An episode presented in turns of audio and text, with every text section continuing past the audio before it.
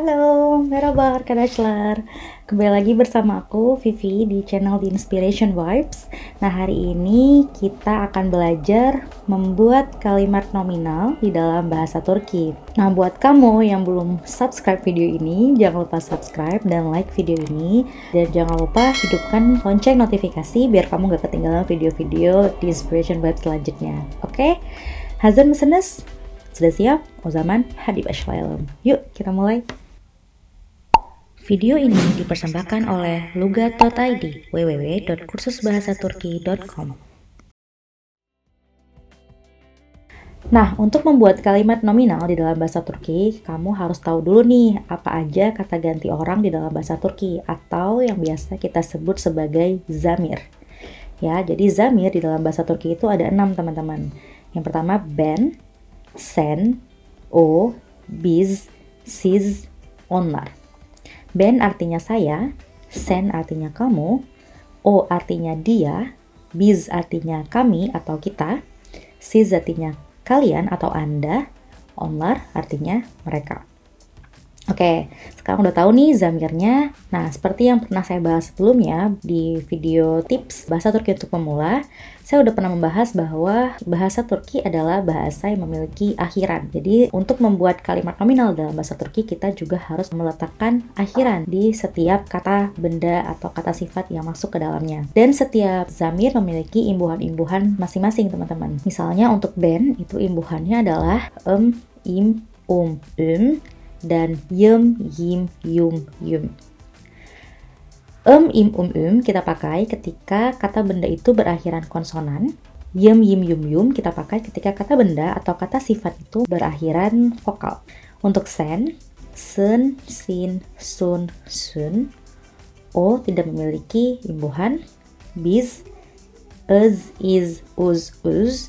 Atau yez, yiz, yuz, yuz.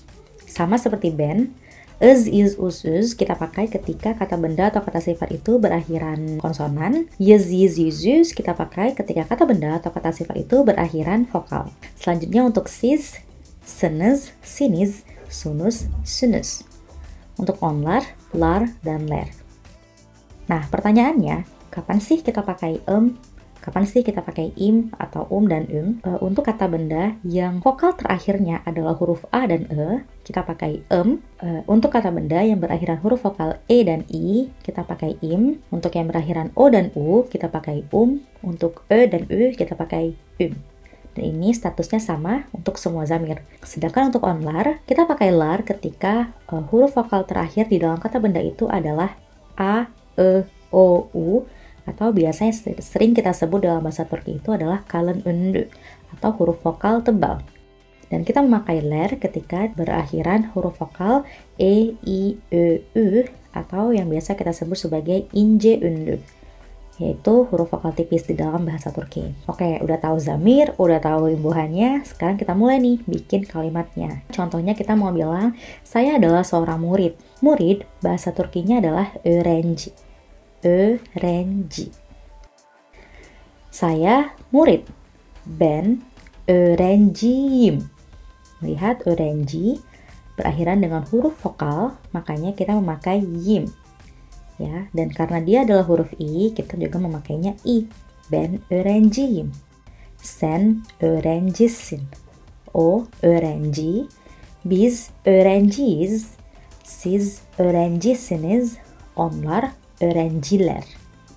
Öğrenciler bukan öğrenciler karena i adalah ince ünlü dari huruf e, i, ö, ü. Oke. Okay? Contoh yang lain misalnya saya adalah seorang dokter. Ben doktorum. Sen doktorsun. O doktor. Biz doktoruz. Siz doktorsunuz. Onlar doktorlar. Kita pakai doktorum karena dia huruf O, kita pakainya um. Karena dia huruf kalen unlu O, kita makainya lar, doktorlar. Seperti itu. Contoh yang lain misalnya untuk kata sifat, saya rajin. Çalışkan adalah rajin dalam bahasa Turki. Lihat terakhirnya adalah konsonan dan huruf vokal terakhir adalah huruf A. Çalışkan. Ben çalışkanım. Sen çalışkansın. O çalışkan. Biz çalışkanız. Siz çalışkansınız. Onlar çalışkanlar. Nah, sekarang giliran kamu nih untuk bikin kalimat nominal positif dengan menggunakan kata sifat güzel, artinya cantik. Sekarang coba kamu bikin ya, dan jawab di kolom komentar. Oke, sekarang kita udah bisa bikin kalimat nominal positif. Sekarang saatnya kita belajar bikin kalimat nominal negatif. Gimana sih bikinnya? Rumusnya adalah kita pertama menggunakan zamir, lalu kita masukkan kata benda atau kata sifat, Lalu kita tambahkan date. Setelah date, kita tambahkan kishieki atau imbuhan yang sama seperti kita bikin di kalimat nominal positif. Misalnya mau bilang saya bukan seorang guru. Guru dalam bahasa Turki itu öğretmen.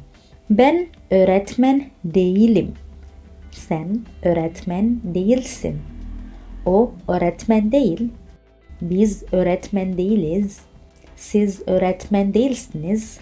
Onlar öğretmen değiller. Contoh yang lain, misalnya contohnya i, artinya baik. Ben iyi değilim. Sen iyi değilsin. O iyi değil. Biz iyi değiliz. Siz iyi değilsiniz. Onlar iyi değiller.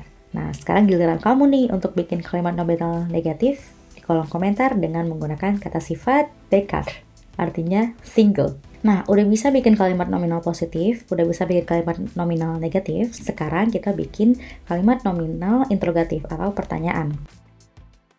Misalnya mau nanya, apakah kamu seorang arsitek? Rumusnya adalah zamir, ditambahin kata benda atau kata sifat, lalu ditambahin soru eki. Soru eki yaitu kata tanya me. Me ini dibagi menjadi empat teman-teman, menjadi me, mi, mu, dan me. Ketika huruf vokal terakhir dari kata sebelumnya adalah A dan E, kita memakai me. Kalau E dan I, kita pakai mi. Kalau O dan U, kita pakai mu. Kalau E dan U, kita pakai mu. Setelah kita masukin soru eki, kita tambahin slash eki yang sama. Nah, ini adalah imbuhan yang sama seperti di kalimat positif dan negatif. Kita mulai aja contohnya, misalnya mau nanya apakah kamu seorang arsitek atau apakah saya seorang arsitek. Ben mimar mıyım? Sen mimar mısın? O mimar mı? Biz mimar mıyız? Siz mimar mısınız? Onlar mimarlar mı? Khusus untuk onlar, bukan melar, tapi lar mı. Ingat ya teman-teman, gak melar, tapi lar mı. Contoh misalnya, ben öğrenci miyim? Sen öğrenci misin? O öğrenci mi? Biz öğrenci miyiz? Siz öğrenci misiniz? Onlar öğrenciler mi? Nah, udah bisa nih bikin kalimat nominal positif, negatif, dan interrogatif. Sekarang giliran kamu untuk bikin kalimat nominal interrogatif dengan menggunakan kata sifat mutlu, artinya happy atau bahagia. Sekian pelajaran tentang kalimat nominal dalam bahasa Turki hari ini. Kalau teman-teman ada pertanyaan, silahkan tanya di kolom komentar dan saya akan menjawab satu-satu pertanyaan teman-teman semua.